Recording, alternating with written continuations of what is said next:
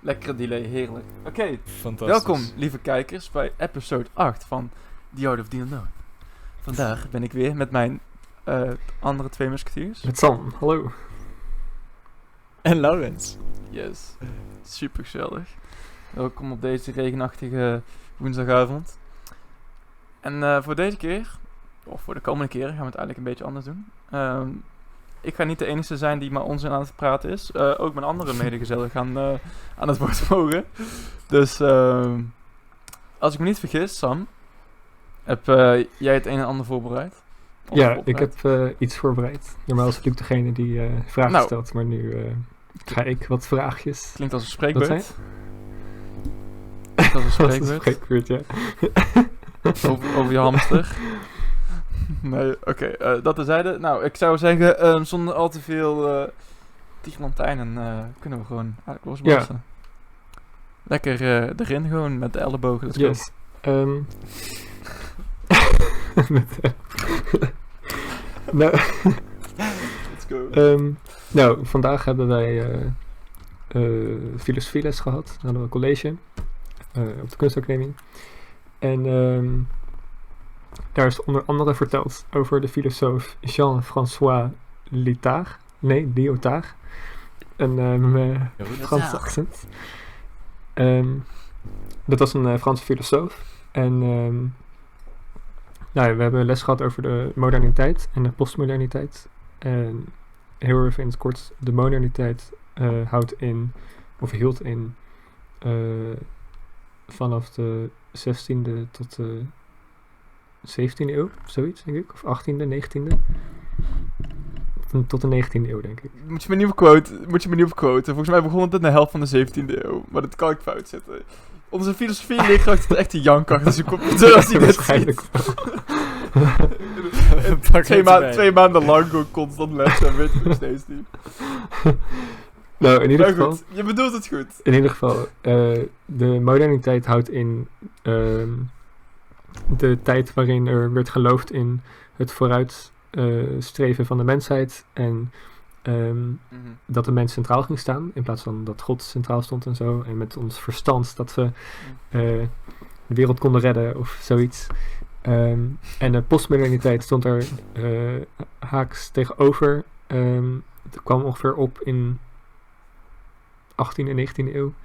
Ehm, Ja. Daarin waren er filosofen als Nietzsche en eh, Freud die ehm daartegen ingingen en zeiden van nee, eh, de mens heeft geen verstand en er is geen vooruitstreving. We gaan misschien zelfs achteruit en er is geen waarheid en alles is maar schijn, zeg maar. Ehm, Hm. en in de postmoderniteit is onder andere een filosoof, eh, dus Jean-François Lyotard. En hij zei ehm, dat in de moderniteit er grote verhalen waren. Een soort ehm, verhalen die iedereen wel kende. En dat die in de postmoderniteit uit elkaar waren gespat in allerlei kleine verhalen. En wat ik nou daar heel interessant aan vond, was wat zijn die verhalen dan? En wat houden die verhalen in? Dus mijn vraag aan jullie is: is er voor jullie een bepaald verhaal of een gebeurtenis die jullie echt heeft geraakt en misschien heeft beïnvloed eh, in jullie leven? Goed. Wow. Wil je dan een persoonlijk verhaal of gebeurtenis? Of mag dat een... eh, iets aan, of mag het iets van externe factor zijn? Mag alles zijn. Mag alles zijn. Ehm, nou, ja, ik, ik kan over van alles losbarsten eigenlijk, maar ik, eh, ik weet niet of, ehm, of jij misschien dat eerst wil doen. Ik eh, moet nog een beetje, denk ik, broeien op wat ik precies verwoord. Dus Ja. als iemand het voortouw wil nemen, ik... eh, Ja, ik wil wel als eerste. Ik vond het ook een best wel lastige vraag. Ja, klopt. Ehm, Ja, zeker. dus, nou ja, ik heb zelf eigenlijk één antwoord. Er zijn waarschijnlijk heel veel antwoorden waar ik nu niet op kan komen. Ehm, maar ik heb gisteren het boek, ehm, dus een boek kan ook een verhaal zijn, dat is ook een verhaal. Eh, ik heb gisteren het boek Hallo meneer God met Anna uitgelezen. Ik heb daar een paar afleveringen geleden ook over gepraat. Ehm, het ging over Anna, dat is een meisje van vijf die van huis wegloopt. En dan is er Finn, dat is een jongen van 19. En hij vindt haar En hij krijgt eigenlijk een soort vaderrol. rol. hij gaat voor Anna zorgen. En het boek eh, wordt verteld vanuit Finn. En het gaat over de relatie met Anna, of de relatie tussen Anna en Finn, zeg maar. Ehm, en wat ze allemaal meemaken en wat Anna voor hem teweeg brengt. Want Anna is een heel bijzonder meisje. Ze is echt super wijs en super slim en heel nieuwsgierig. Ehm, dus je leert er ook echt van alles van. Het verhaal zelf was echt super mooi, maar ik vond het zelf ook heel leerzaam. Ehm, en dat heeft me wel echt geraakt. Eh, het is het enige boek waar ik om heb gehuild. dus dat zegt wel iets, denk Oh, ik. Ehm, Nice. ja, als voorbeeld. ehm, eh, het, het boek heet dus Hallo meneer God met Anna. Het gaat ook best wel erg over God. Ehm, en Anna noemt hem meneer God. Dus dat is ook al, ik weet niet, een, een andere manier om God te beschrijven of te benoemen. Dat Anna zegt, ehm, de mens gaat naar de kerk om het verhaal van de Bijbel te leren. En de mens gaat eigenlijk heel zijn leven naar de kerk. Maar dat betekent dus eigenlijk dat je het Hmm. verhaal van de Bijbel eh, niet goed in je opneemt. Want als je het verhaal weet, dan hoef je niet meer naar de kerk. Dan kan je uit de kerk en iets gaan doen met dat verhaal en met Ja. het geloof. Ehm, Ja. dus Anna heeft zoiets van, Nee, dat is een, dat is Anna heeft interessant. zoiets van, we hoeven helemaal niet naar de kerk. eh, want ik snap het verhaal en ik snap wat, wat eh, eh, het geloof betekent. Dus ik ga er iets mee doen. En op die manier zijn er echt heel veel dingen die op een bepaalde manier belicht worden, die je zelf helemaal niet op die manier hebt bekeken. Dus dat vond ik echt super interessant. Echt een aanrader om te lezen. Ja. Zo'n eh Amazon link in de beschrijving zetten van kan je bestellen. Nee, ah, nou, interessant. Ik, ehm, ik had eerder verwacht dat bij, als je zo'n vraag zou stellen, dan zou ik eerder Dit is. Oh, doe me denken aan de cover van Call Me By Your Name. Ja. Soort van op een Ja. Blauwe lucht, gele tekst. Ja, ja, waarschijnlijk daarom. Maar, ehm nou ja, interessant, want ik zou normaal denken als je zo'n vraag stelt, dat je dan met een persoonlijk antwoord zou komen. Nou, dus dit op zich ook wel persoonlijk, want misschien weerspiegelt het boek een beetje iets van jou. Dat misschien daarom dat je het zo interessant vindt. Ik weet niet. Dat is maar een... Nou, nee, eigenlijk helemaal niet. Ik ben niet gelovig. Eh, Nee? Ik ben dus ook helemaal niet zoveel bezig met God. Maar de manier hoe God hier beschreven werd was... Dat is zo anders dan dat de kerk God beschrijft. God is geen... God is wel alwetend en groots en op een bepaalde manier ook onbereikbaar volgens het boek. Maar ook heel vriendelijk en vol liefde. En de eh, afbeelding van engelen en God zelf en Jezus, dat is allemaal bullshit. En eh, God. ehm, ja, hoe zeg ik dat? God is meneer God, dus eigenlijk. Is, een, is een vriendelijke man in plaats van meer... een man die ja. eh, met zijn handen over de aarde heen zit en eh, ja, waar we bang voor zijn of zo. Want de kerk die kan soms heel eh, kan, Ja. kan een soort van bedreigen met God. Van God die wil dat niet, dus je moet dat niet doen. Maar hier het echt als een soort vriendelijke man. Ja, met die vinger zeg maar, maar hier is dat helemaal niet. Ehm nee, dus het is, ik kan Ja. het helemaal niet goed verwoorden trouwens. Je moet echt het boek eigenlijk lezen. Maar Nee, maar dat, heb ik ook vaak als ik over in een boek of een schilderij of noem maar op film gepassioneerd ben. Dan heb ik heel erg moeite met, met, het, met het, het, het overtuigen of het overbrengen van wat nou werkelijk de inhoud is. Omdat ik er zo zeg maar, mee in zit. En misschien is mijn brein nog wel helemaal vol met wat er gebeurd is. Ik had het laatst ook, met, elke keer als ik over dat boek begin heb ik hetzelfde. Dat ik gewoon niet helemaal weet hoe ik het moet beschrijven. Maar het komt gewoon niet omdat ik de inhoud niet per se begrijp, maar gewoon omdat het. Ik weet niet, het kan een soort, een soort bron zijn van inspiratie en nieuwe, nieuwe paadjes naar allerlei interessante concepten en ideeën. En daarom is het misschien moeilijk om gelijk vast te pakken. Dus ik, ik merk hoe, hoe langer ik erover zit, hoe meer grip ik erop krijg. Dus ik denk dat dat ook, je hebt het net uitgelezen, zei je. Ik denk dat het nog, hoe meer je zeg maar, het laat bezinken, hoe mooier het nog gaat worden wat het boek jou eigenlijk heeft Ja. gegeven. Ja. Dus dat, eh, dat is heel tof aan boeken. Is heel on- ik vind boeken, ja, dat, oh, dat klinkt zo edgy om te zeggen. Ik vind boeken gewoon onderschat, maar dat is eigenlijk niet. Ik denk dat boek, mensen boeken niet onderschatten. Maar ik denk dat mensen misschien het fysieke van het boek onderschatten. Want een boek, een boek kan echt een aanwezigheid hebben, weet je wel. Ik, ik, vind, ik, vind een boek bijna iets levendig of zo. Dat is een soort eigen organisme. Ehm, net zoals de kunstgenieers. Leuk, leuk verband. Was volgens mij Dürer, Ja. Albert Dürer. Die een keer dacht van... Wacht even, als ik nu buk en ik kijk in het gras... Dat stukje gras, dat, dat ondergrond, wat, waar we overlopen... Wat eigenlijk als achtergrond gezien wordt... Dat is ook zijn eigen universum. Wat, is dat, wat als een boek nou ook zoiets is, weet je? Wat als een boek nou gewoon leeft en ademt? En... ehm nou ja, goed. dus Zo kijk ik soms Ja, ze zeggen ook wel, Dus, ehm, ze zeggen ook wel, een huis zonder boeken is als een mens zonder ziel. Ja, volgens mij was dat Cicero die dat zei. Weet ik Kan niet. dat? Weet ik niet. Ik heb het laatst, ik heb het laatst op een huis zien staan zelfs. Op de, boven, op de voorkant van een huis. Cool. In, in Den Bosch. Ja, dat was echt... Dat was echt ja, dat is ook zo. Ik vind... Nou, ik heb niet de grootste boekencollectie. Ik heb er een paar. Maar ik vind boeken wel een soort noodzakelijkheid. En niet dat je elke dag een, een boek moet verslinden. Maar wel gewoon dat je kennis opdoet. Ja. En ehm, dat moet niet per se fysiek met een boek. Maar gewoon...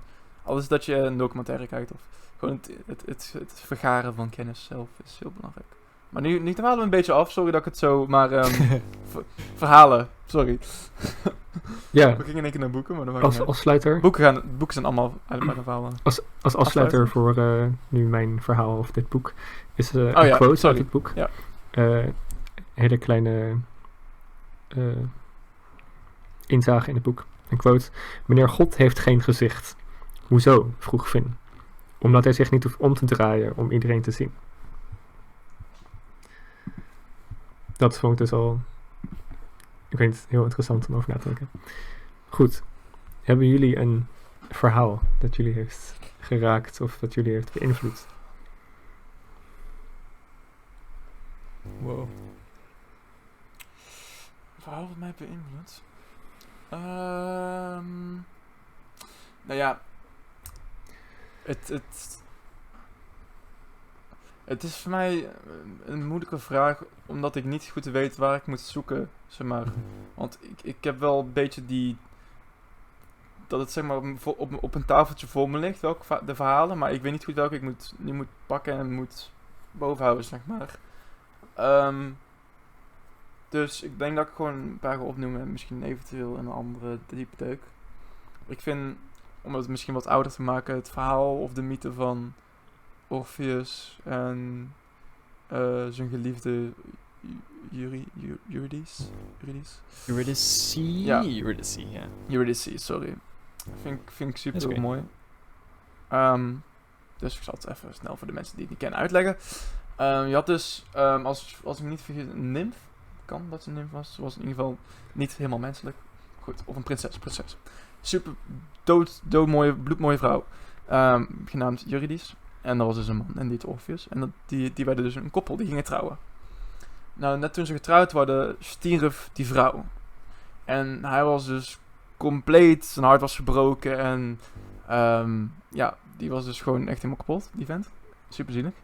En ehm, ja, even nonchalant doorheen vliegen. En ehm, hij ging dus letterlijk naar de onderwereld, naar hel, om ehm, tegen de god van de onderwereld te zeggen van, ik wil mijn vrouw terug. En hij heeft dus een, een lied gespeeld op zijn panfluit, of op zijn fluit, dat zo mooi was, dat de bewaker van de onderwereld eh, sliep en dat Hades gewoon moest huilen en zei van... Je mag je vrouw meenemen, maar op één voorwaarde. Als je naar buiten loopt, mag je niet omdraaien, je mag er niet aankijken. Oké, hij is goed, doen we. Eh, die lopen weg, samen met zijn vrouw. En hij, hij, hij mag dus niet achter haar kijken, dus hij weet ook niet of ze volgt. Maar hij, hij denkt van, ik moet erin vertrouwen dat ze volgt, weet je wel. Dat die afspraak is gemaakt, ik, eh, ik, ik moet het gewoon doen, anders... Oké, goed, hij loopt. En hij wordt steeds, hij vraagt zich steeds meer af van, volgt ze wel, weet je wel. eh. en uiteindelijk geeft hij in, in die, die verleiding van terugkijken. En hij kijkt terug en zij wordt dus teruggezogen in de onderwereld. En hij moet dus ter- terug naar de bovenwereld. En ehm, toen, volgens mij heeft hij toen uiteindelijk zelfmoord gepleegd, weet ik niet zeker. En ze zeggen dus dat de natuur eh, dat de rivieren stilstonden, dat de vogels stoppen met flu- fluiten. En dat het, dat het hele orkest van de natuur even stil was, omdat hij gestorven was. En dat ze nu ehm, samen langs de rivierbedden van hel samenlopen en eh pamfluitjes spelen, en weet ik het allemaal. Goed, op zich is dat een best bekend liefdesverhaal en op zich is dat oppervlakkig best wel schattig en leuk. Maar het gaat mij meer om de. de. de. de het, het, de overtuiging en de wilskracht en, en de pure hardhoofdigheid van iets zo graag willen en iets, iets moeten hebben en dan misschien toch een paar keer op de weg daar naartoe de fout in gaan. Of, of het niet juist hebben, maar dan uiteindelijk toch op het einde dat toch allemaal wel... Het komt allemaal goed, zoals we zouden zeggen. Wij. Ehm, nou, dat is één van.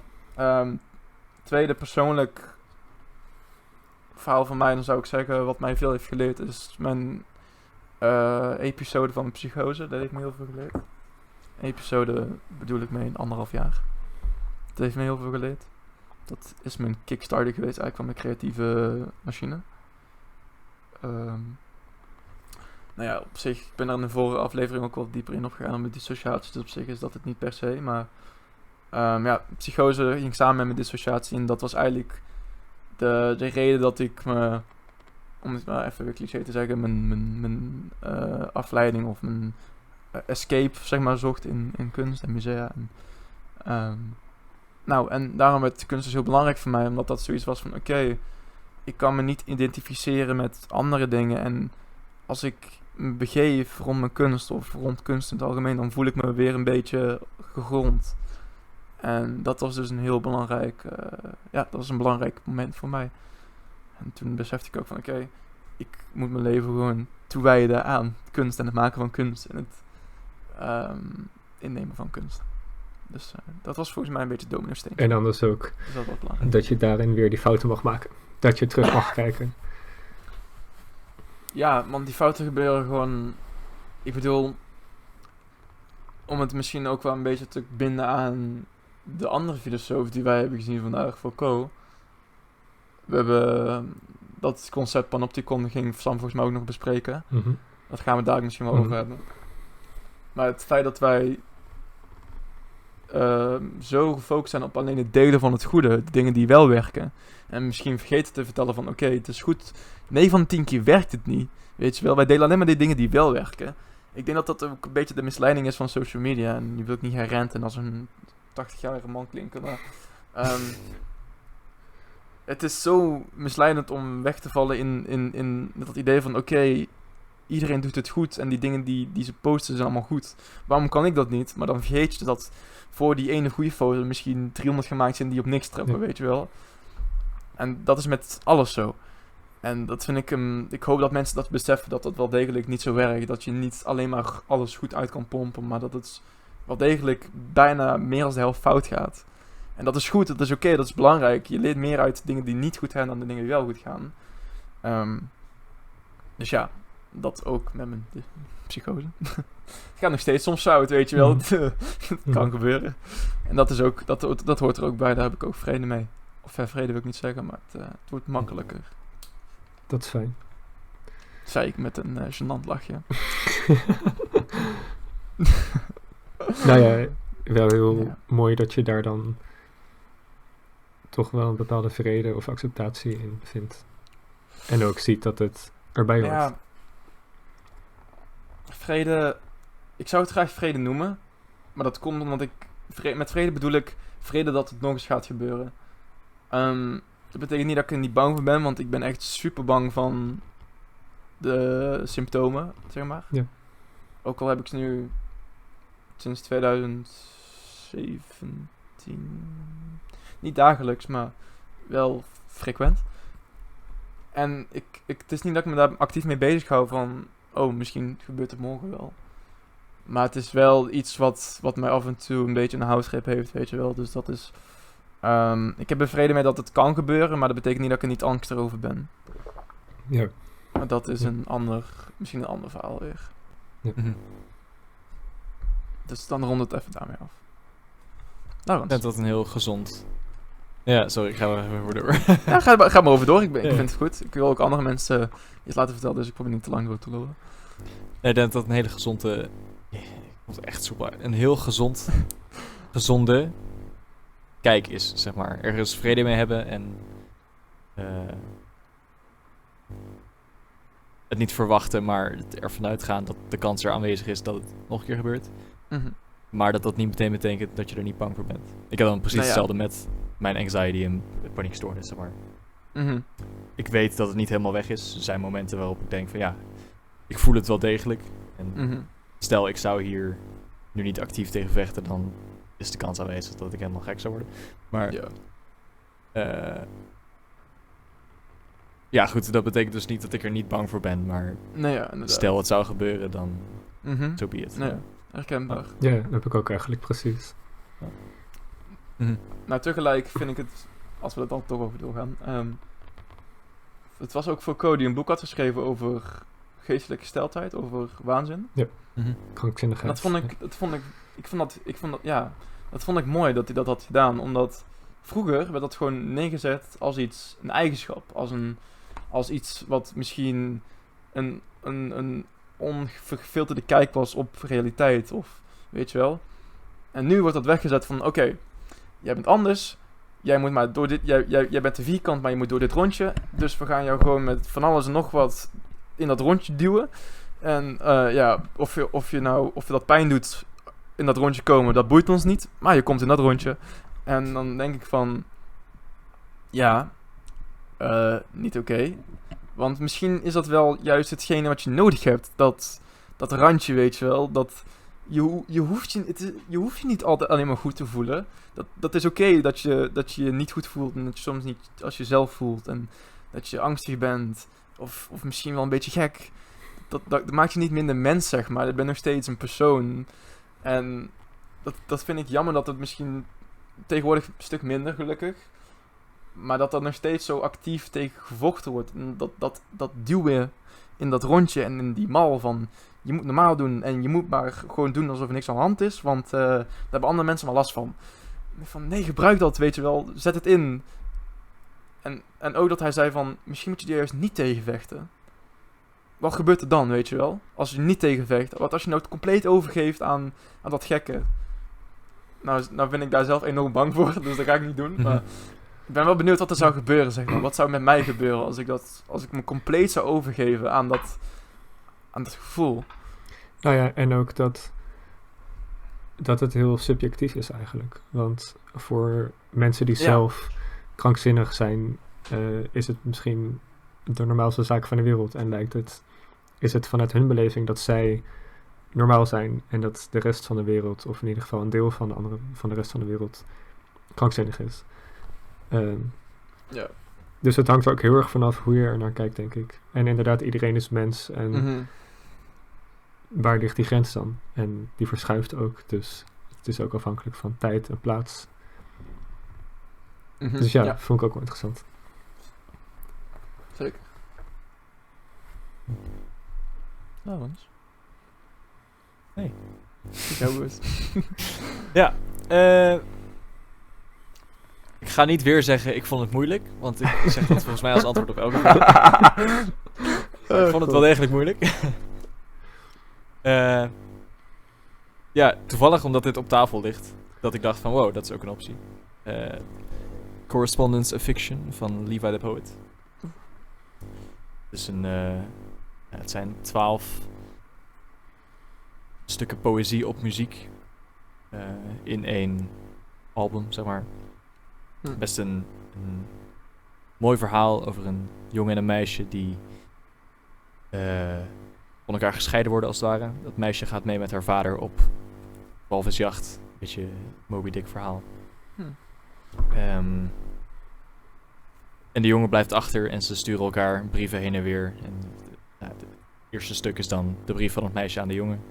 En dan de tweede is het de jongen aan het meisje. Het meisje. En dan zijn er ook een paar stukken waarin zeg maar, de vader van het meisje aan het woord komt. Of de moeder van de jongen. Of zo eh, vormt zich een beetje een verhaal. En uiteindelijk wordt, wordt het drama steeds intenser. En je weet dat het meisje waarschijnlijk niet terug gaat komen. En dan ontdek je dat zij dat ook weet. En dat komt dan allemaal naar boven met intense muziek en, en Wow, super mooie woorden. Eh, moet ik even luisteren. Het, is, het is iets wat, wat mij niet verveelt, zeg maar. Er zijn weinig dingen die mij... Die ik maar kan blijven luisteren, die me dan niet vervelen. Mhm. Waaronder de musical Hamilton. Ja, die heb ik ondertussen zo gruwelijk veel geluisterd. En Ik wil het graag zat zijn, maar lukt niet. Je bent Ja. verslaafd. ja, ik vrees van wel. En op welke manier heeft dit, deze eh, stukken tekst met muziek, eh, hoe, hoe heeft het jou geraakt of beïnvloed? Of wat heeft het met jou gedaan? Ja, dat is een hele goeie. Ik weet niet of het iets concreets is geweest, is geworden. Ehm, maar ik denk dat het een, soort... Dat is heel oppervlakkig, maar... ik denk dat dit de eerste echte poëzie was die ik las slash luisterde. Wat een beetje kickstart is geweest in Hm. daar meer induiken en eh, de waarde daarvan inzien, zeg maar. Hm. Ja, dus, dus er zijn gewoon zoveel woordencombinaties in, in dit hele album, in dit verhaal. Die ik dan, als ik het voor de 46ste keer luister, dan denk ik van, oh, Hm. nu valt dit op. En dan die zin drie weken lang in je hoofd. Denk van, ik moet hier Mhm. iets mee en dan weet je niet wat. Ja. Ja. ik heb dat ook inderdaad. met Dus- sowieso. Dus het doet iets met me, maar ik weet niet zo goed wat. Ja. Misschien is dat wel juist het mooie. Dat je een beetje moet wegtellen. Hm. Dat is een soort... Nou, ik wou ui zeggen, maar dan kom ik weer aan, dan denk ik weer aan, aan de filosofieleraar die zei, dat, dat, ik weet niet meer welke filosoof het zei, als je een ui helemaal wegpelt, en Mhm. dan dus uit mens, dan heb je uiteindelijk niks meer over, dus dan is er niks meer. Er zit geen dus kern, dat wil zeg ik niet maar. zeggen, maar als je het uiteindelijk, laten we dan zeggen als een soort, als je als een soort perzik de, de, de vruchtvlees eraf trekt en dat je dan pit hebt. Dat. En die pit kies je dan zelf, want ja, poëzie, de schrijver, net zoals een, als een schilderij of zo, ik kan je wel uitleggen wat het betekent. Maar ik heb veel liever dat jij probeert die laagjesverver metaforisch af te schrapen en dat je dan zelf gaat nadenken van wat houdt dit in. En als je dan tegen mij zou zeggen van, Luc, alsjeblieft, leg het me uit, weet je wel, ik heb deze, deze, ik denk dat het dit is, maar is dat zo? En dan zou ik misschien kunnen zeggen van, "Mm, misschien is het dit, misschien niet. Weet je wel, dat, dat, die, dat gevecht, dat vind ik leuk. En dat is met Mhm. poëzie misschien nog wel harder als, als in, oh, nou, dat weet ik niet. Maar in ieder geval, in poëzie is het ook heel erg aanwezig, die strijd van interpretatie. Dat vind ik mooi. Ja. Dat vind ik super mooi. Dat is gewoon die constant, dat gevecht tussen interpretatie en eventueel eh, echte betekenis. Maar dat maakt alleen maar meer ruimte voor nieuwe, misschien nieuwe creaties. Ik, dit is ook perfect. Dit is een zin uit eh, een van de, de, de, de stukken uit het verhaal. Wat gaat over poetry. Ehm, the fog was like poetry. Difficult to define, but so long as I am able to get lost in it. Nee, fuck. fuck. Even, weet ik niet meer. Even kijken Ik had hem lyrics. ja, precies. Dat is letterlijk Even dit boekje. Ja, misschien, Even volgens mij uit, was het ook uit dit boek, uit Hallo meneer God met Anna, eh, was een stuk dat ging over eh, watervallen. en dat er heel veel dingen wel zijn, dus ook poëzie. En je kan het zien, maar op het moment dat je het ziet, is het ook weer verdwenen. Dus je kan het niet grijpen. Je kan een waterval niet grijpen of vastpakken, want het, het is constant in beweging en het is constant in verandering. Het is er wel, maar het is ongrijpbaar. Je Mm. kan het zien, maar dan is het ook weer weg. Dan is het weer vernieuwd, zeg maar. Dus misschien dat dat Mm. een soort van... Wow, dat doet me weer denken aan iets anders. Nou, heb je het al gevonden? Want anders ga ik even ratelen. Ga je gang. Oké. Nou, dat doen we, dat doen we denken aan, aan Carl Jung, de filosoof waar ik al zo vaak over iets heb over gezegd. Ehm, dit, het verhaal gaat, ik weet niet of het echt is, maar het verhaal gaat dat een student van Carl Jung, eh, die trouwens ook een soort eh, st- student van Sigmund Freud zelf, Sigmund Freud zelf is. Dus, eh, nou goed. Die, zei dus, die vroeg dus aan Carl Jung van, wij als mens, welke, wat voor vorm hebben wij, zeg maar, hoe werkt dat? En hoe, hoe identificeren we dat? En toen ging het verhaal dus dat hij een cirkel tekende op het bord. En dat het eigenlijk eh Uro, Urorobos was, heet hij zo? Die slang die zijn eigen staart op heet. Mhm. En dan zei dus, wij als mensen, wij draaien constant in elkaar om. Die constante beweging van opnieuw beginnen. En toen, toen dat, dat, kan, dat kan je als twee dingen zien, weet je wel. Ehm, of, of het is een cirkel die constant ronddraait, rondjes, en er gebeurt niks nieuws. Of het is een cirkel die constant uitbreidt, weet je wel, die alleen maar groter wordt. En die eigenlijk als een soort universum constant een beetje groeit. En dat, dat vond ik super interessant, want dat zeg jij net ook. Het is, het is niet iets wat vorm heeft of wat je vast kan pakken. Maar het is wel een, een of ander iets waar je toch met bij kan. Dat vond, dat vond ik een mooie, mooie vergelijking voor wat, wat, voor, wat, voor, wat, wat wij als mensen misschien voor vorm aannemen. Een constante cirkel die alleen maar groter wordt. Als een soort sponsje. Wat alles informatie opzuigt. En ehm, ja. Goed, maar dat terzijde. Laurens. Ik heb hem niet gevonden, maar ik denk dat ik hem heb. Ah, kijk. The fog was like poetry. Difficult to define, but I am completely indifferent as to what it means, so long as we are able to get lost in it. Dus Vet. maakt me niet uit wat het betekent, als je er maar in kan verdwijnen. Dat kan je over heel veel kunst zeggen. En ik denk ook, Oh. ehm, op het moment dat je iets ervaart, eh, dan maakt het niet meer uit of je het kan verwoorden of kan vastpakken of niet. Als het er maar is. Als je die ervaring maar hebt, als je het voelt. Mhm. Ja. Daar gaat het uiteindelijk om. Ja, ik denk ook dat sommige dingen geen naam moeten hebben. Ja. Zeker sommige gevoelens of ervaringen. Die moet je een, een soort naamloos laten als een soort enigma, weet je wel. Dat moet een, een, een gestalte of gedaante zijn waar je niet een, een, een naam aan moet kunnen geven, denk ik. Net als wat je bepaalde dingen voor jezelf moet houden. Want als je het gaat delen, verliest het zijn waarde. Bepaalde ervaringen ook. Of een grap die je dan gaat navertellen, maar die dan helemaal niet meer grappig is. Zoiets. Ja, het is dan het is een, alsof je een soort geheel aan de massa geeft en dat iedereen daar een stukje van neemt.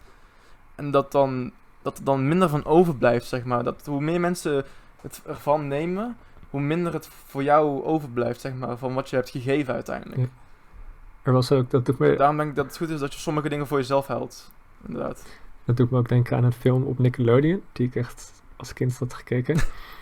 ging over een eh, jongen en die kon uit zijn handen eten schieten of zo. Of en, eten uit zijn handen laten komen. En hoe meer mensen wisten dat hij dat kon, dat hij die gave had, hoe minder lekker het eten werd. Dus dat is Wow, Mm. wow, dat is wel super vet Ja. eigenlijk. Damn. Wow. ook het, Dat doet me ook gelijk denken aan eh, koning Midas. Met zijn Ja. handje van goud. Ja. Dat is dus, die dus alles aanraakt, alles wat hij aanraakte werd goud. En uiteindelijk kon hij niet eens meer zijn vrouw aanraken, omdat hij dan bang was dat hij haar zou, ja, verstenen wil ik zeggen, maar het is van, dan van goud. Ehm, dus ja, het is maar wat je waar je voor vraagt eigenlijk. Hè. Wil, je, die- wil, je dat, wil je dat men, mensen erover weten? Wil je dat echt? Dus dat is misschien wel mooi, zeker tegenwoordig. Iedereen wil zoveel mogelijk likes, zoveel mogelijk mensen die mijn shit bekijken. En ik van, wil je dat echt? Of wil je gewoon dat het juiste aantal mensen bekijken? Dat doet me ook denken aan de eerste aflevering waar we het over hadden. Van Precies. niet kwantiteit, maar kwaliteit van mensen die het met je mee voor hebben. Ja. zo, dat is wel een, een, eh, een iets om over na te denken. Eh, Dat is een, eh, een groot spinnenweb van eh, verwoven afleveringen. Ah ja, trouwens, nou doen we dat even tussendoor. Als je nu aan het luisteren bent naar deze aflevering 8 en je hebt nog niet de vorige 7 geluisterd, dan eh, valt er nog veel kennis en leuke momentjes voor je in de vorige 7 afleveringen. Dus als je deze tof vindt, zeker terugluisteren, want er zitten ook heel veel toffe dingen in die je misschien kan gebruiken voor de komende afleveringen, want we maken heel vaak persoonlijke referenties waar we misschien al een keer over gesproken hebben. En dan komt het dan misschien iets beter samen. Dus misschien is dat handig. Maar goed, dat is. Heel goed. Laurens, moest jij nog iets kwijt over jouw poëzie? Want ik vond het heel interessant, dit stukje. Mm.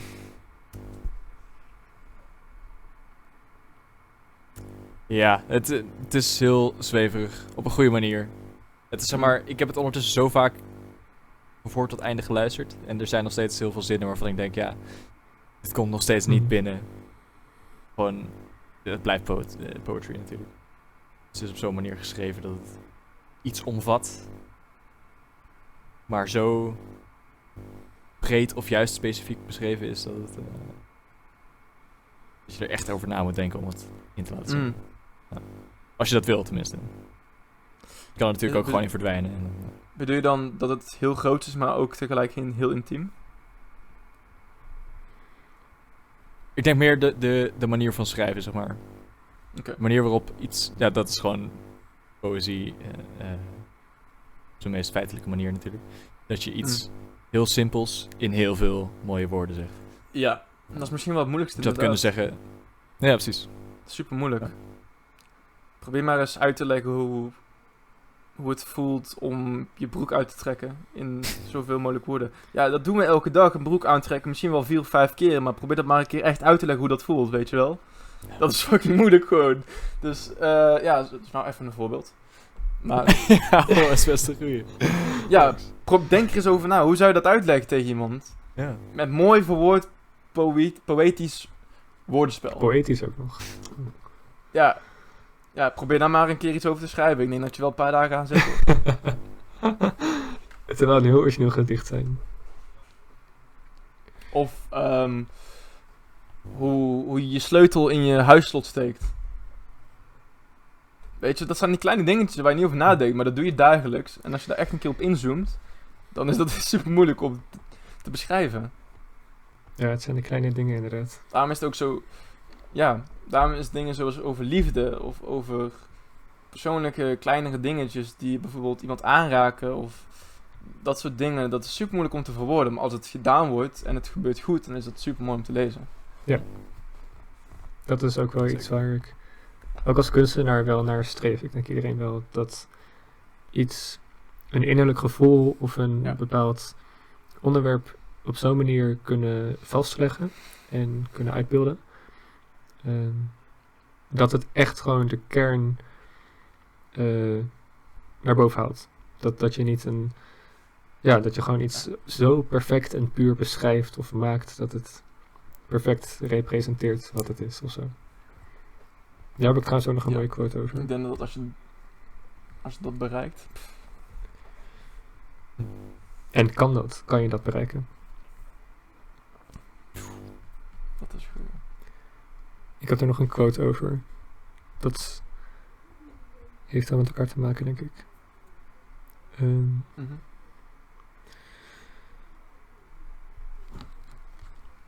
Je bent aan het scrollen in je bibliotheek van poëzie of pootjes. ja. Eh, Oké. Ja, ik heb hem. Ik heb hem. Ik heb, ik heb hem ook. Probeert u aan het volgende te denken. Op de grond ligt een immense marmeren kubus. Ervoor staat een naakte, stomende man. De man stapt op de kubus af. Loopt er in nauwer wordende kringetjes omheen. Omsingelt die kubus met zijn blik en met zijn ideeën, tot het marmer er dronken van wordt. Op het ene mogelijke ogenblik slaat de man zijn armen om de kubus heen en gaat over tot omhelzing. Maar het marmer geeft zich natuurlijk niet zomaar gewonnen. Wat volgt lijkt op een worsteling. Waar de man het marmer aanraakt, begint het te smelten en modelleert hij het met de bewegingen van zijn lichaam. Zo is het gegaan. Ik legde het marmer mijn hitte op, zodat het sissend onder mij wegdroop en de gestalte aannam van mijn droom. En die is van Peter Verhelst. Wow. Ja, dat vond ik echt. Dat je zeg maar zo. Ik Ja. zie het voor me. Dat je iets zo vormgeeft dat het echt Ja, gewoon precies. je droom of je visie of datgene is, zeg maar. Wow. Doe me, dit vind ik eigenlijk een mooi voorbeeld, het vormen van dat. Misschien een obscure reference, neem ook ja, gewoon gelijk eigenlijk weer vandaag denken aan Michelangelo met de stenen. Ja. Ja. Dat, dat, dat het destijds, even voor mensen die natuurlijk de les niet gevolgd hebben. Ja, maar er zijn ook mensen Ja, die niet bij onze school zitten die luisteren. Ehm, Michelangelo dus, rena oh, renaissance, misschien wel de bekendste renaissance kunstenaar. Ehm, ja, is ook zo eigenlijk. Ehm, kun- ja, die kon schilderen, die kon alles, die kon architectuur, die kon beeldhouden. Dat was gewoon een homo universalis, die kon alles. Die, overal, alles wat hij deed, dat was gewoon perfect. En goed. En niemand oversteeg hem. En ehm, hij, wa- hij deed dus het liefste beeldhouden. En er waren bepaalde beelden die hij aan het maken was. Maar die kon hij niet afmaken omdat hij van een paus eh, zijn dakje moest schilderen. Nou, goed. Dat kon hij dus niet afmaken. En toen ging hij uiteindelijk dood. En die sculpturen zijn nooit afgemaakt. Maar je ziet nog wel ehm, dus die, die sculpturen in, in, die steen, in dat steen zitten. En destijds zou je zeggen, dat is niet af, dat is niet volmaakt, dat is niet waardig van een sculptuur. Maar nu zouden wij zeggen van, dat is een supermooi beeldhouwwerk of een supermooie constructie. En, en ook dat hij het, het zeg maar betreedt als in, ik, pak, ik kies het stukje steen en ik maak er iets uit. Hij zegt nee, er zit al iets in dat steen en het zat er altijd al en dat moet ik bevrijden. Het is mijn taak als kunstenaar om wat er in dat beeld zit eruit te halen. En dat kan ik alleen met mijn vaardigheid en mijn visie. Ja. Ik denk van, en toen dacht ik van, holy shit, wat als ik dat nou doe als ik elke keer een penseel oppak of elke keer een camera vastpak. Die beelden zijn er al. En, en dat, dat, schilderij dat bestaat al, maar het is gewoon aan mij om dat te doen. Het is er al, weet je wel. Ik hoef het nergens vandaan te trekken, het is er. Het enige wat ik moet doen is dat oppakken en die knop indrukken of de verf op dat canvas gooien en dan gebeurt het. Maar je moet het, je moet het, je moet je toegeven aan het, dat het er is. En dan denk van, holy shit. Wat als dat gewoon kan, weet je wel. Wat als die man dat toen al deed. Dat vind ik, dat vind ik zo'n mooi idee, dat dat gewoon kan. Je is, gewoon het bevrijden van de kunst die er al is. Zonder de pretentie dat je een of andere nieuwe, ongekende idee... Dat is, dat is ook wel leuk, maar... ehm, ik vind het gewoon een romantisch idee, dat probeer ik te zeggen. Er is ook een quote van een hele bekende Nederlandse schrijfster, Tonke Dracht. Ze heeft de brief voor de koning geschreven. Hm. Eh, quote, alle verhalen zijn er al. Het is een kwestie om ze te vinden. Dus inderdaad ook, alles is er al, maar we moeten het bevrijden of vinden of Ja. zoiets. Mhm. Ja, vind ik met fotografie heel toepasselijk. Mhm. Zeker de, de manier waarop ik fotografeer, zeg maar. Mijn foto's zijn over het algemeen gewoon... Ik ben ergens, ik heb toevallig een camera bij me en dan zie ik iets en dan maak ik een foto van. Zo van... De wereld doet op een bepaalde manier gewoon al het werk. Het is Mhm. gewoon mijn taak om dat te zien en dat vast te leggen op het moment. Ik denk dat Ja. dat, En je moet het maar zien. Dat is ik zeker denk waar, dat ja. dat in heel veel dingen wel is. Je moet eh, op een bepaalde manier ook ja, de, de dingen zo zien en ervaren dat je ervan kan genieten en daar gelukkig van wordt of Mhm. überhaupt gelukkig kan zijn, zeg maar. Dat ligt heel erg aan je mindset. Dus dat gaat, ja, het is Ja. super groot eigenlijk. Een heel overkoepelend iets. We kunnen mondkapjes opdoen waar, waarbij je de wereld niet kan zien en eh, niet kan genieten van alles. Of je haalt alles van je ogen af en je ziet hoe mooi en wonderlijk alles is. En dus ook die details, ook die stukjes gras en weet ik veel. Wat ook weer terugkomt bij Hallo meneer God met Anna, want Anna die was super nieuwsgierig en die wilde ook al eh, die kleine dingen weten. Ging ze ook gewoon Hm. uren in de tuin rondstaren of rondzoeken en kijken wat er in de tuin te vinden was. Hoeveel? Word jij gesponsord door dit Nee, helaas niet. Gra- grapje, grapje, grapje. Nee, ik vind het super tof dat je er enthousiast over Ja. bent. Dat vind ik echt... Ik vind dat zo mooi als mensen ergens enthousiast over zijn en dat... dat want dat, ik vind dat tegelijk ook een beetje kwetsbaar, toch? Als je iets echt heel Ja. tof vindt en je wilt het delen en je, dan, dan, en je gooit het eruit en dan hoop je, dan omarm het, weet je wel, wat ik hier uitgooi, want het interesseert me. En, en dan vind ik het jammer dat, sommige, dat ik dan soms zie dat mensen daar gewoon opstappen, weet je wel. Dan denk ik van, nee, niet doen. Je, dat is heel kwetsbaar wat mensen dan doen. Dan moet je gewoon omarmen. En dat vind ik altijd mooi als dat gebeurt. Dat mensen gewoon zoiets hebben van, nee, ik laat zien dat het me wel boeit. Ja. Weet je wel, ik, het is interessant. Dus dat vind ik altijd heel mooi als mensen die, die, die dat showen, zeg maar. Dat vind ik, dan vind ik ook zo mooi dat Sam erover praat, of als Laura er ergens over begint. En je ziet het aan iemand zijn gezicht dat het gewoon opwarmt en borrelt van excitement. En dat vind ik mooi om te zien dat dat gewoon wel degelijk kan. Dat vind ik, dat vind ik echt mooi. bijvoorbeeld bij Gerard of bij Jeroen. Je ziet aan die mensen dat die leven, die ademt gewoon filosofie. Die, die ademt kunst, weet je wel. Dat vind ik zo tof om te zien. En dat geeft mij ook... Dat is een soort wisseling van krachten. Die, dan daar heb ik ook zoiets van, ja, ja, ik luister naar jou. Weet je wel, tof. Ja, dat is dus eigenlijk ook Dat, zoiets dat, dat, onbeschrijfelijks. Je kan dat niet Mm. goed vastpakken, maar je Ja. ziet het en je krijgt er energie van. je voelt het. Ik voel het gewoon in de zaal. Als die man de zaal binnenkomt en hij begint te praten over filosofie, dan voel ik zijn plezier voor filosofie. Dan denk ik van, ja, vertel me meer. Dat is gewoon, dat, dat, dat is ook waarom ik zo graag naar zijn, naar zijn lessen ga. Is om niet per se... Moet ik even kijken wat ik nu zeg. Ehm, of hoe ik het zeg.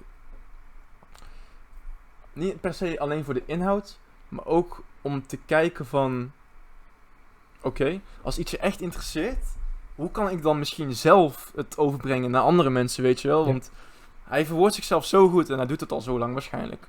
Maar dat is wel een ambitie of iets waar ik naar streef om dat ook te kunnen, zeg maar. Zoals hem. Ja, absoluut. Gewoon top vent. Jeroen, team, team, vijf, vijf reten, echt. Goeie, vind ik goeie. We hadden even een korte commerciële pauze. Ook al hebben we geen sponsors. Sponsor ons alsjeblieft, we verdienen geld. We kunstenaars, snap je? We zijn arm. Goed, dat tezijde. Ehm Sam, had je nog een vraag? Want we zijn net even afgedwaald. Dus eh, dat is niet erg.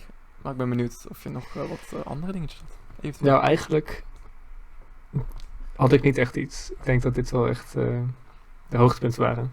Dus eh, nee, ik heb niet, eh, Yes.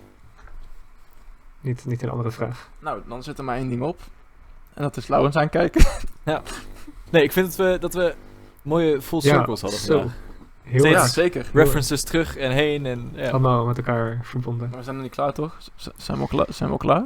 Nee. Nee, joh. Nee, joh. Gewoon doorgaan. Nee, Nee. wij niet. Wij gaan door.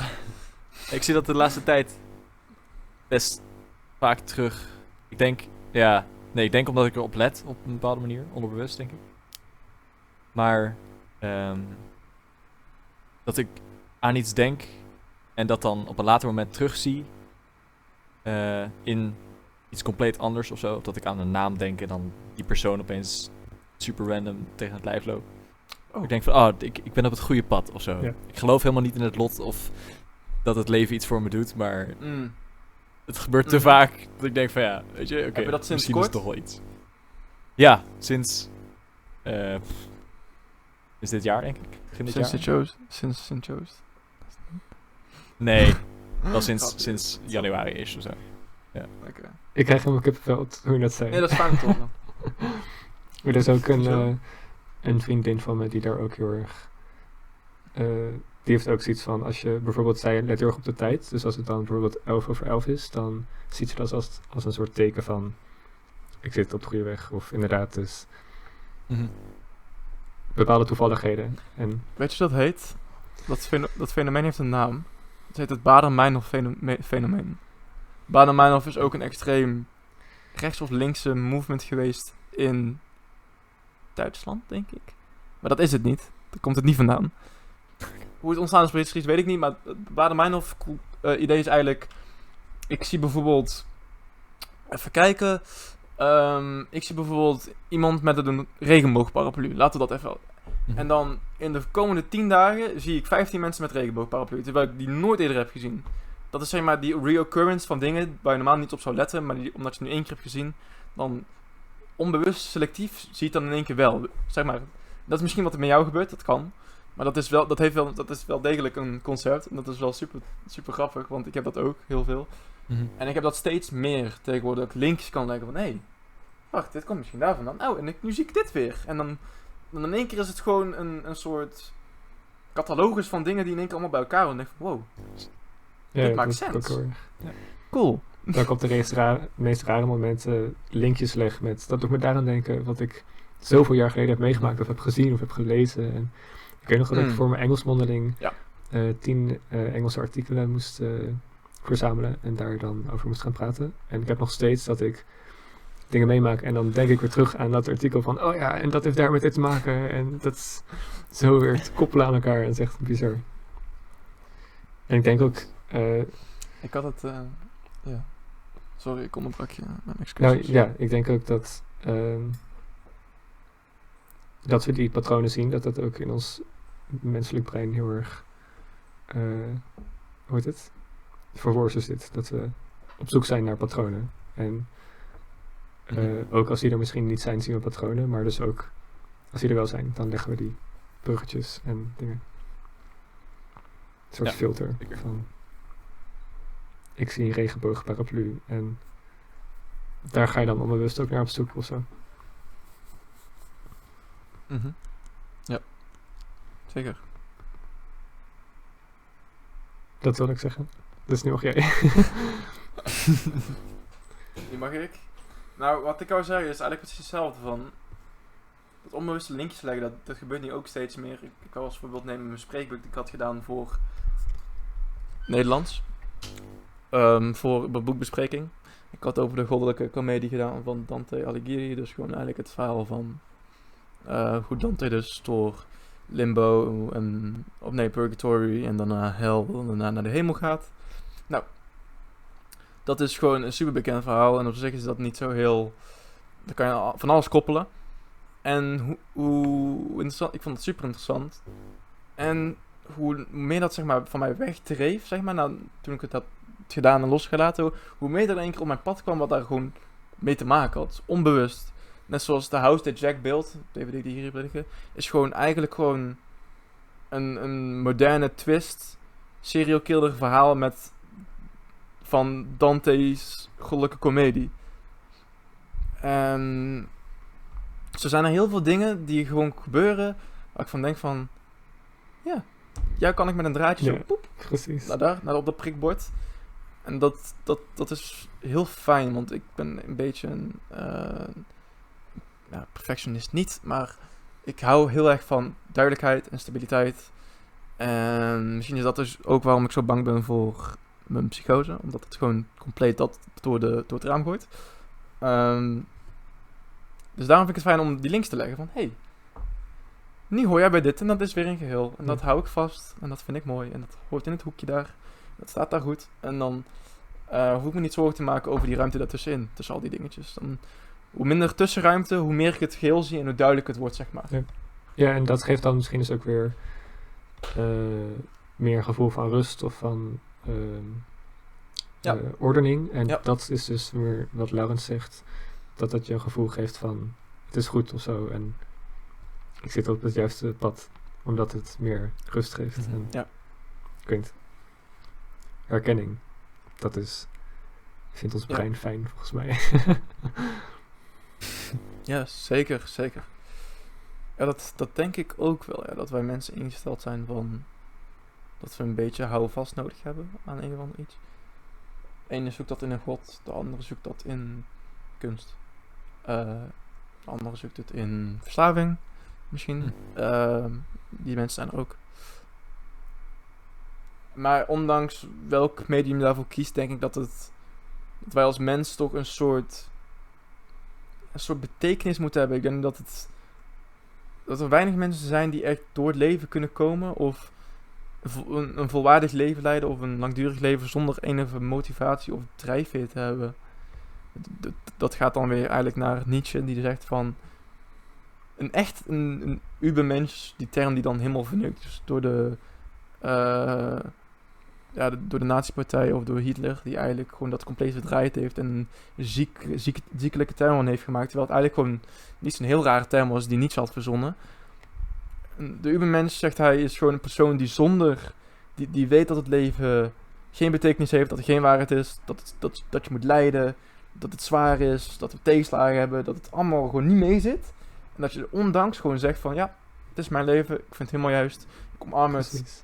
En wat er komt, komt er. Maar dan tegelijk denk ik van, dat is mooi, dat is, dat is een mooi streven, maar als je niks hebt om voor te leven, waarom zou je dan nog ja, leven? Waarom, wat, wat, wat is, waarom ben je er dan nog?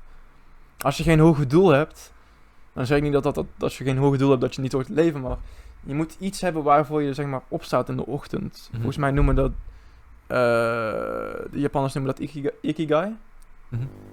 Dat is letterlijk waarvoor je opstaat in de ochtend gewoon. Een soort gewoon drijfveer. Nou, ik denk... Ja, ik denk dat je dat nodig hebt als mens. En of dat nou de planten in je tuin zijn die, die je moet wateren, of je kinderen, of in mijn geval kunst en andere mensen waarvan ik hou. Ehm, ik denk dat het nodig is.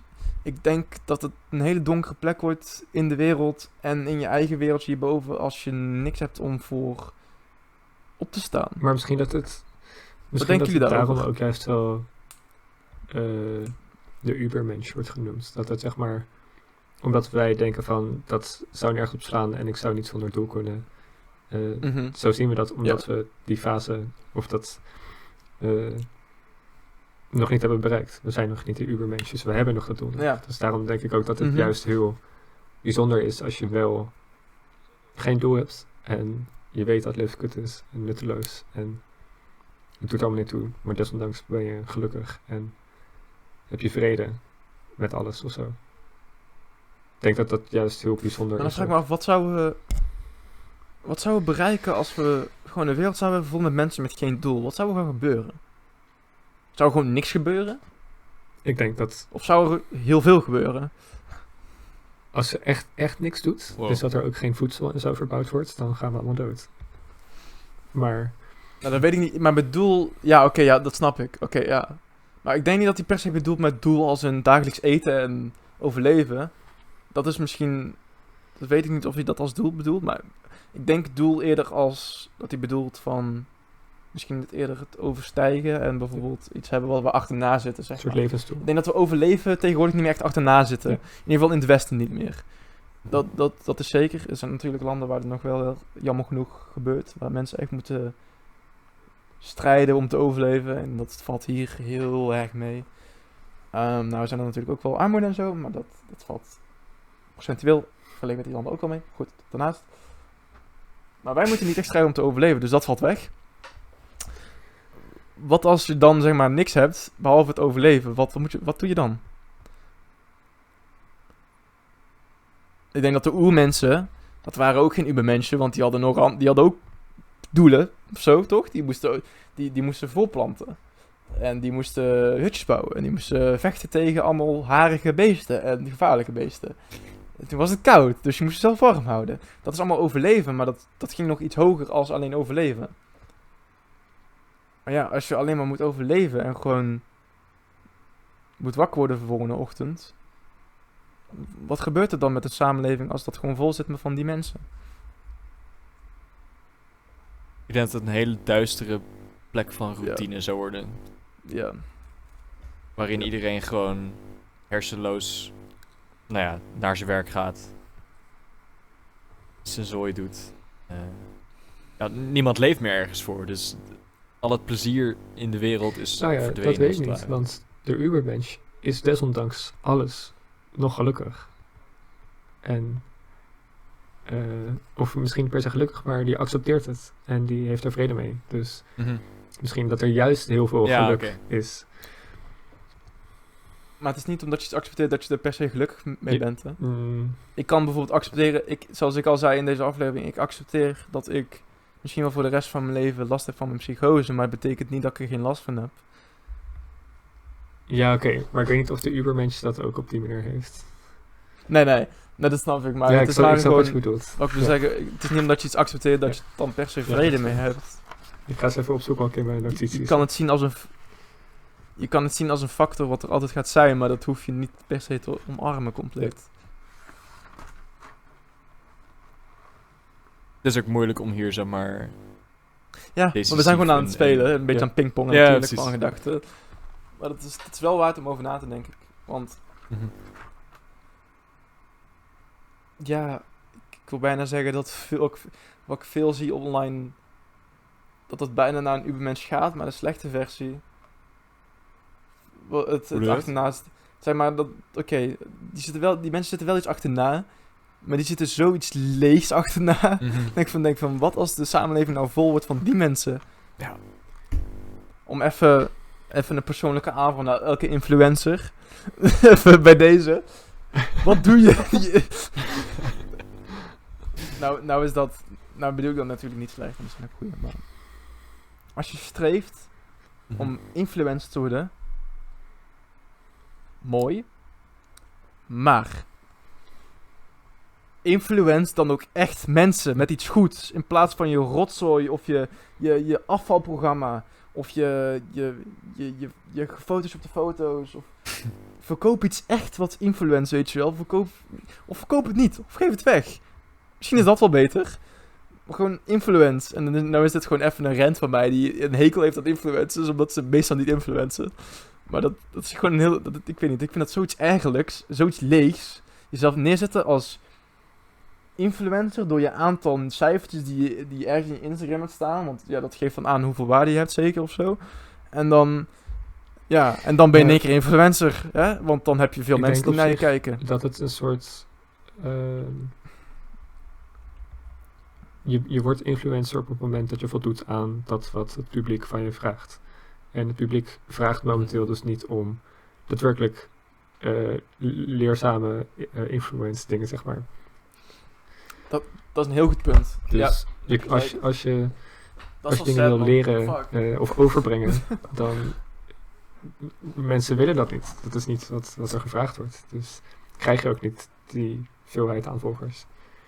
Wat best wel triest is eigenlijk, maar Oh, dat is inderdaad heel triest. Want mensen eten het gewoon op, weet je wel. Alles wat ze voorgeschoten worden van die rotzooi. Want het, het gaat als warme broodjes, maar...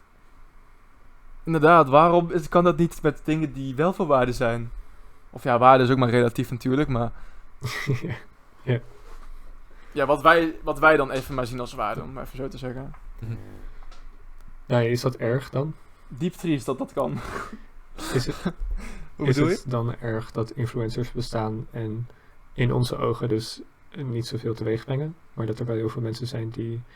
Nou, nee, tuurlijk niet. Ik, ik zeg niet dat, ze niet dat het erg is dat ze bestaan, maar ik zeg is dat ze misschien hun platform voor iets beters zou kunnen Ja, gebruiken. ja oké. Want ik geloof natuurlijk wel dat, er, dat die mensen. Ik, ik val die mensen persoonlijk niet aan. Ze kunnen best leuke mensen zijn. Maar ik val het begrip aan van. Je hebt het privilege om zo'n massa te hebben. wat naar jou kijkt. En dan kies jij ervoor. Gewoon echt. Gewoon dan, dat denk, dan kijk je naar je telefoon en denk van: oké.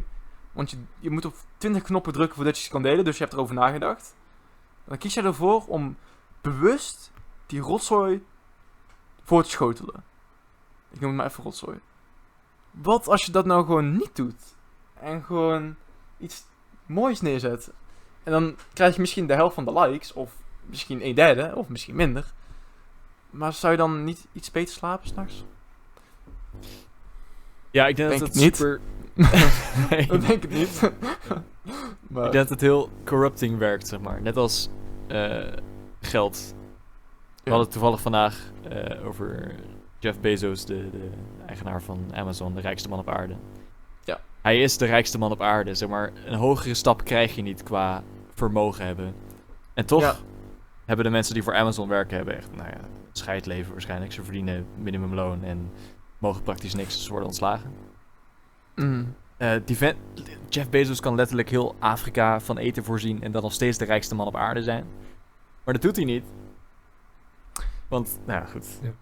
Nou ja, dat, ik had het power ook over. Van, hoe rijk is rijk genoeg? Weet je wel, hoeveel geld heeft Hmm. een mens nou echt nodig? En oké, van mij mag je in je flat wonen en lekker eten en eh mooie auto rijden. En het geld mag je hebben van mij. Het gaat me niet om het geld dat je het hebt. Het gaat erom wat je ermee doet. Zet het in voor iets goeds. Want je weet. Je hebt het, weet je wel. Het gaat nergens heen. Je hebt het. Waarom zou je dat godverdomme gewoon ergens in je bankrekening met cijfertjes gewoon laten? In plaats van gewoon ergens in te stoppen. Want. sla- hoe slaapt die man? Dat vraag ik me af. Ja, hoe kan jij wakker worden, jezelf in de spiegel aankijken en met, met, een, met een goed ehm, geweten Geweten? De, de, de wereld ingaan die dag en weten dat jij gewoon bijna of heel veel problemen gewoon kan oplossen. Ja, je kan de, En het je kan de niet wereld doen. redden, maar je doet het niet. Dat is zo... Ja, hij kan het letterlijk. kan eh Ik super niet dat het geld niet, hij mag het, hij mag het hebben, maar hij moet het gebruiken. Dat is het. Datzelfde met, met Elon Musk of met eh, Mark Zuckerberg heeft wel daarentegen, ik verdedig hem natuurlijk niet, hij heeft ook achterlijk veel geld, maar eh, getekend dat hij 90% van zijn Facebook shares over zijn levens gaat verkopen en gaat investeren in een goed doel of goede doelen. Dus dat vind ik nobel. En je kan zeggen, ja, eh, bijvoorbeeld, ehm hoe heet die vent van Google ook alweer? Ik ben even zijn naam kwijt. Ik heb zoveel andere dingen in mijn hoofd zitten. Je weet wie ik bedoel. Kijk met Ja. die bril. Ja, Ja, die hele rijke gast. Ben zijn naam even kwijt. Hij is heel beroemd. Sorry, mensen gaan waarschijnlijk shamen omdat ik het nu niet weet. Maar goed, nee joh, Maar- guy van Google, fuck it. zijn naam echt kwijt. Hij is een super beroemde gast. Nou, goed. Die kan ook zeggen van, ja, maar hij doet heel veel goed. Hij, hij bouwt scholen in Afrika en zo. Oké, mooi. Maar procentueel, relatief gezien, is dat echt gewoon eh, nul. Niks, nada. Ik zeg niet dat je de wereld moet redden in één dag, maar kijk jezelf misschien een beetje aan in de spiegel en denk van, zou ik misschien toch iets kunnen doen wat impact zou hebben in plaats van iedereen zijn pakketjes bezorgen, weet je wel. God, je zou maar eens zoveel geld hebben. Ik denk het nog steeds niet dat je geluk... Die man, die, die man kan toch niet gelukkig zijn? Hmm. Kan toch niet? Nee. Er is geen cel in mijn lichaam die mij kan overtuigen dat hij gelukkig is. Ik weet het niet. Ik denk Echt dat je op het moment dat je rijk wordt, Nee. dat je ook. eh, dit is een, een, een, overgeneralisatie of zo, overgeneralisatie. Dat je dan in een bepaalde bubbel Ja, komt. Dat je niet meer ja. eh, weet hoe, hoe de mensen in de laagste klasse, zeg maar, het, of in de, hoe de arme mensen leven. Dus dat je ook, dat je daar afgezonderd van wordt. Dus dat je dan wel, dat je ook niet meer bewust bent Ja. van het feit hoe die mensen leven en eh, dat je ze kan helpen of zo. Je, je, je denkt er gewoon niet meer over na. Je weet eigenlijk niet meer dat ze bestaan. Dus als je in zo'n bubbel belandt, dan en je weet niet meer wat er buiten die bubbel zit, dan kan je dus misschien alsnog gelukkig worden of zo. Of gelukkig zijn. Ignorance is bliss. Nou ja, ik denk dat hij het wel echt... Oké, ik kan, me- ik kan me voorstellen dat hij begeeft zich natuurlijk in kringen waar wij ons nooit, misschien wel nooit in zullen begeven, maar... Niemand, je kan mij niet overtuigen dat hij niet weet dat de mensen doodgaan van de honger. Ja, Dat kan toch niet? Dat weet iedereen. ja ik ben heel benieuwd. Ik weet het niet. Je zou zeggen inderdaad toch niet van, anders? van niet. Die man moet toch weten... Als je zoveel connecties hebt, dan juist moet je weten hoe erg het is. We gaan het hem vragen volgende week. Jeff Bezos. Volgende week Bezos de gast. Dat zou super tof zijn. Jeff Bezos volgende week. Oh. Zo hé. Oh, dat was wel mooi. Op de podcast. Volgende week Jeff Bezos. Zullen we dat als titel doen? Volgende week Jeff Bezos op de podcast. Kijk hoe mensen als kijken. gast. Jeff Bezos als gast. En dan gewoon, en dan, en dan gewoon. Jeroen. En dan gewoon Jeroen van de Corporate. met, met, met, wat- met een pak aan en, en kaal geschoren. ja, ik noem hem nu even Jeroen, maar het is gewoon filosofie leerkracht. Ja. Oh god. Mooi. Och, och, och, och, och. Ja.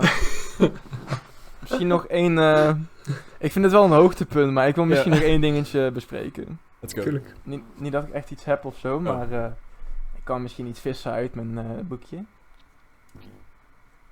Zult hoor.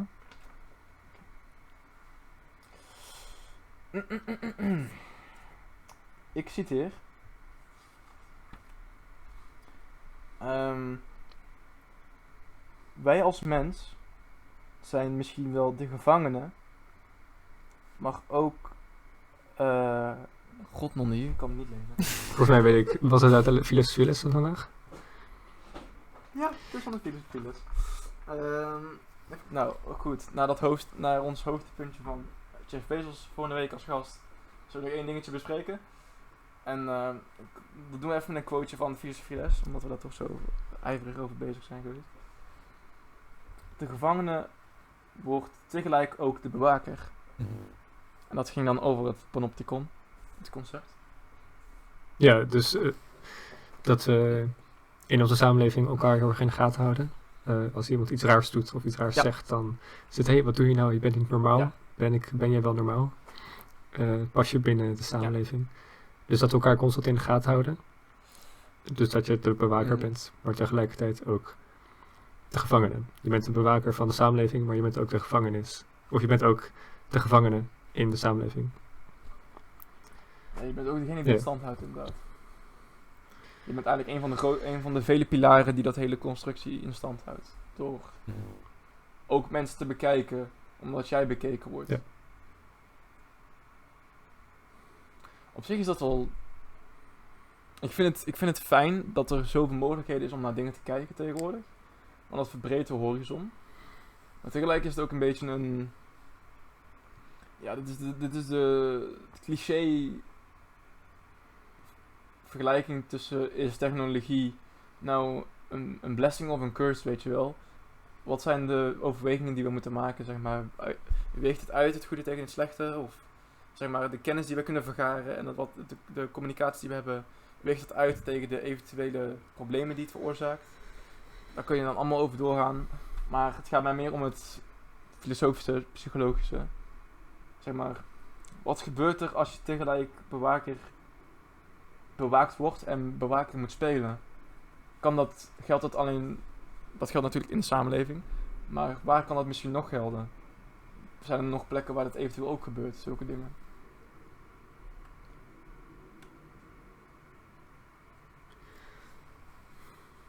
Nou ja, Ik moet denken aan filosofie, ik moet denken aan literatuur eigenlijk. wat dan?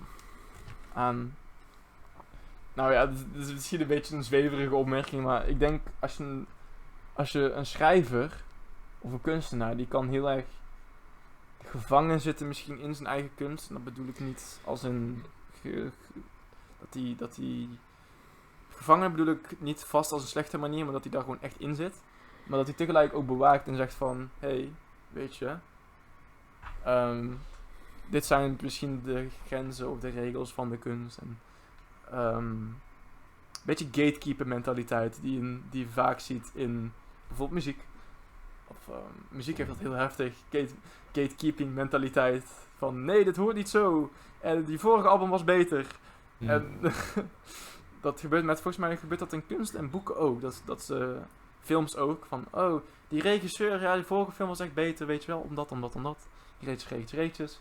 En dan draag je zelf eigenlijk mee aan dat idee van het bewaken van de normen en de standaarden. Wat binnen lijntjes past en Ja. wat niet. Ja, eigenlijk je zou het kunnen zien als allemaal een soort mini-samenlevingen. Of zi- mini-groepen Ja, of zo. ja. De filmwereld en de literatuurwereld en de... Nou ja, zo, van alles, kunstwereld. Ik vind dat we nog iets moeten vertellen over ons experimentje vorige week. Zullen we dat even doen als leuke afsluiter? Go. Goed. Linkje erop in de, in de bio. Ik heb dus een performance film mogen opnemen met deze mooie heren hier. Ehm, die speelden allebei de hoofdrol in mijn performance film. En dat was een superleuke ervaring, al zeg ik het zelf. Ik vond het Ja. super tof trouwens.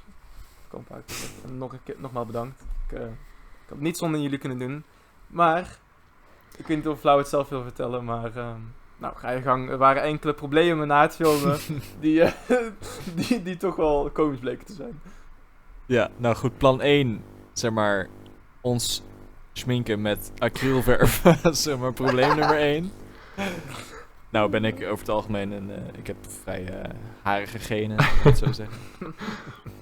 Dus armhaar heb ik gewoon al, nou, dit, hoe oud ben ik nu? Weet ik niet, 12 jaar of zo. Who cares? Eh, ondertussen niet meer. Ik zat dus onder de verf en dat, nou ja, het is acrylverf, dus het droogt gewoon op je huid. En dan zit er zo'n plakkaat aan zooi op je arm.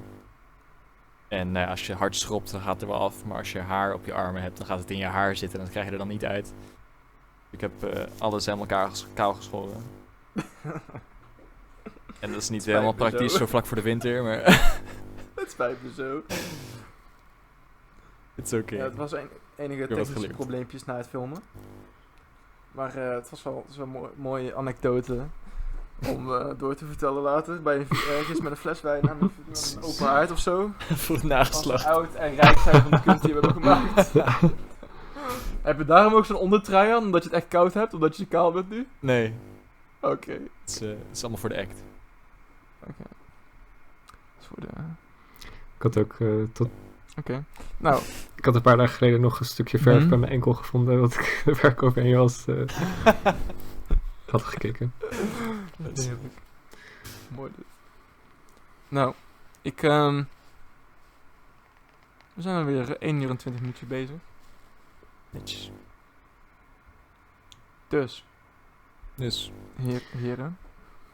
Hebben we nog iets toe te voegen voordat we dit eh, digitale wereldje verlaten tot de volgende keer? Jeff Bezos natuurlijk, niet vergeten. Jeff Bezos. Hè? Jeff Bezos. clickbait. Jeff Bezos. Clickbait, clickbait. Luister onze video's. Nee, ehm, nee nou, nog iets te zeggen? Nou, bedankt voor het luisteren, als je er nu nog bent. Dat waarderen we Ja. enorm. Ja, want we hebben heel wat, on- we hebben heel wat interessante dingetjes gezegd vandaag, maar ook heel wat onzin heb ik het gevoel, vooral ik. maar dat gebeurt wel eens vaker. Het is bij mij zeg maar niet tussenin, of ik krijg het zinnig of het totaal niet. Dus het is een beetje hopen dat er maar iets goed uitkomt af en toe. Maar, eh nou ja. Hè. Ehm, ja, jongens, dan als ik ook nog iets moet zeggen, dan nogmaals bedankt. Want ik vind het altijd een genoeg om met jullie na te babbelen Ja. over filosofie. Uiteraard. Eh, dat, dat, dat kietelt mijn... eh, Throwback. nou, Jer- Jeroen kietelt mij ook niet. Was het ook niet... eh, de, de- dat kietelt mijn eh filosofiegevoel. Ik ga het missen, man. leuk Ik Wat? ga het Ja. missen. Ik ga Ja, Jeroen ik missen ga filosofie waarschijnlijk. missen. maar, ja. Ja, dat gaat wel een, een gat zijn in onze... eh, in, onze, in onze content voor Ja. onze podcast, zeg maar. Nu moeten we zelf gewoon dingen zoeken. Ja. Dus misschien wordt het wel helemaal ruk vanaf volgende aflevering. ja, we- God weet het. Of misschien moeten we gewoon iemand eruit schoppen en Jeroen in de plaats zetten. Oeh. Of is het een hint? Daar houden we het bij. Goed, Laurent, wat wil je nog zeggen? Eh, 1, 2, 3, go! we gaan allemaal dood. Waarom is dat altijd de zin waar het naartoe gaat? Dus of prijs Oké, de wacht. eer, of we gaan allemaal dood. Oké. De titel is officieel Prijs de Heer, we gaan allemaal dood Jeff Bezos.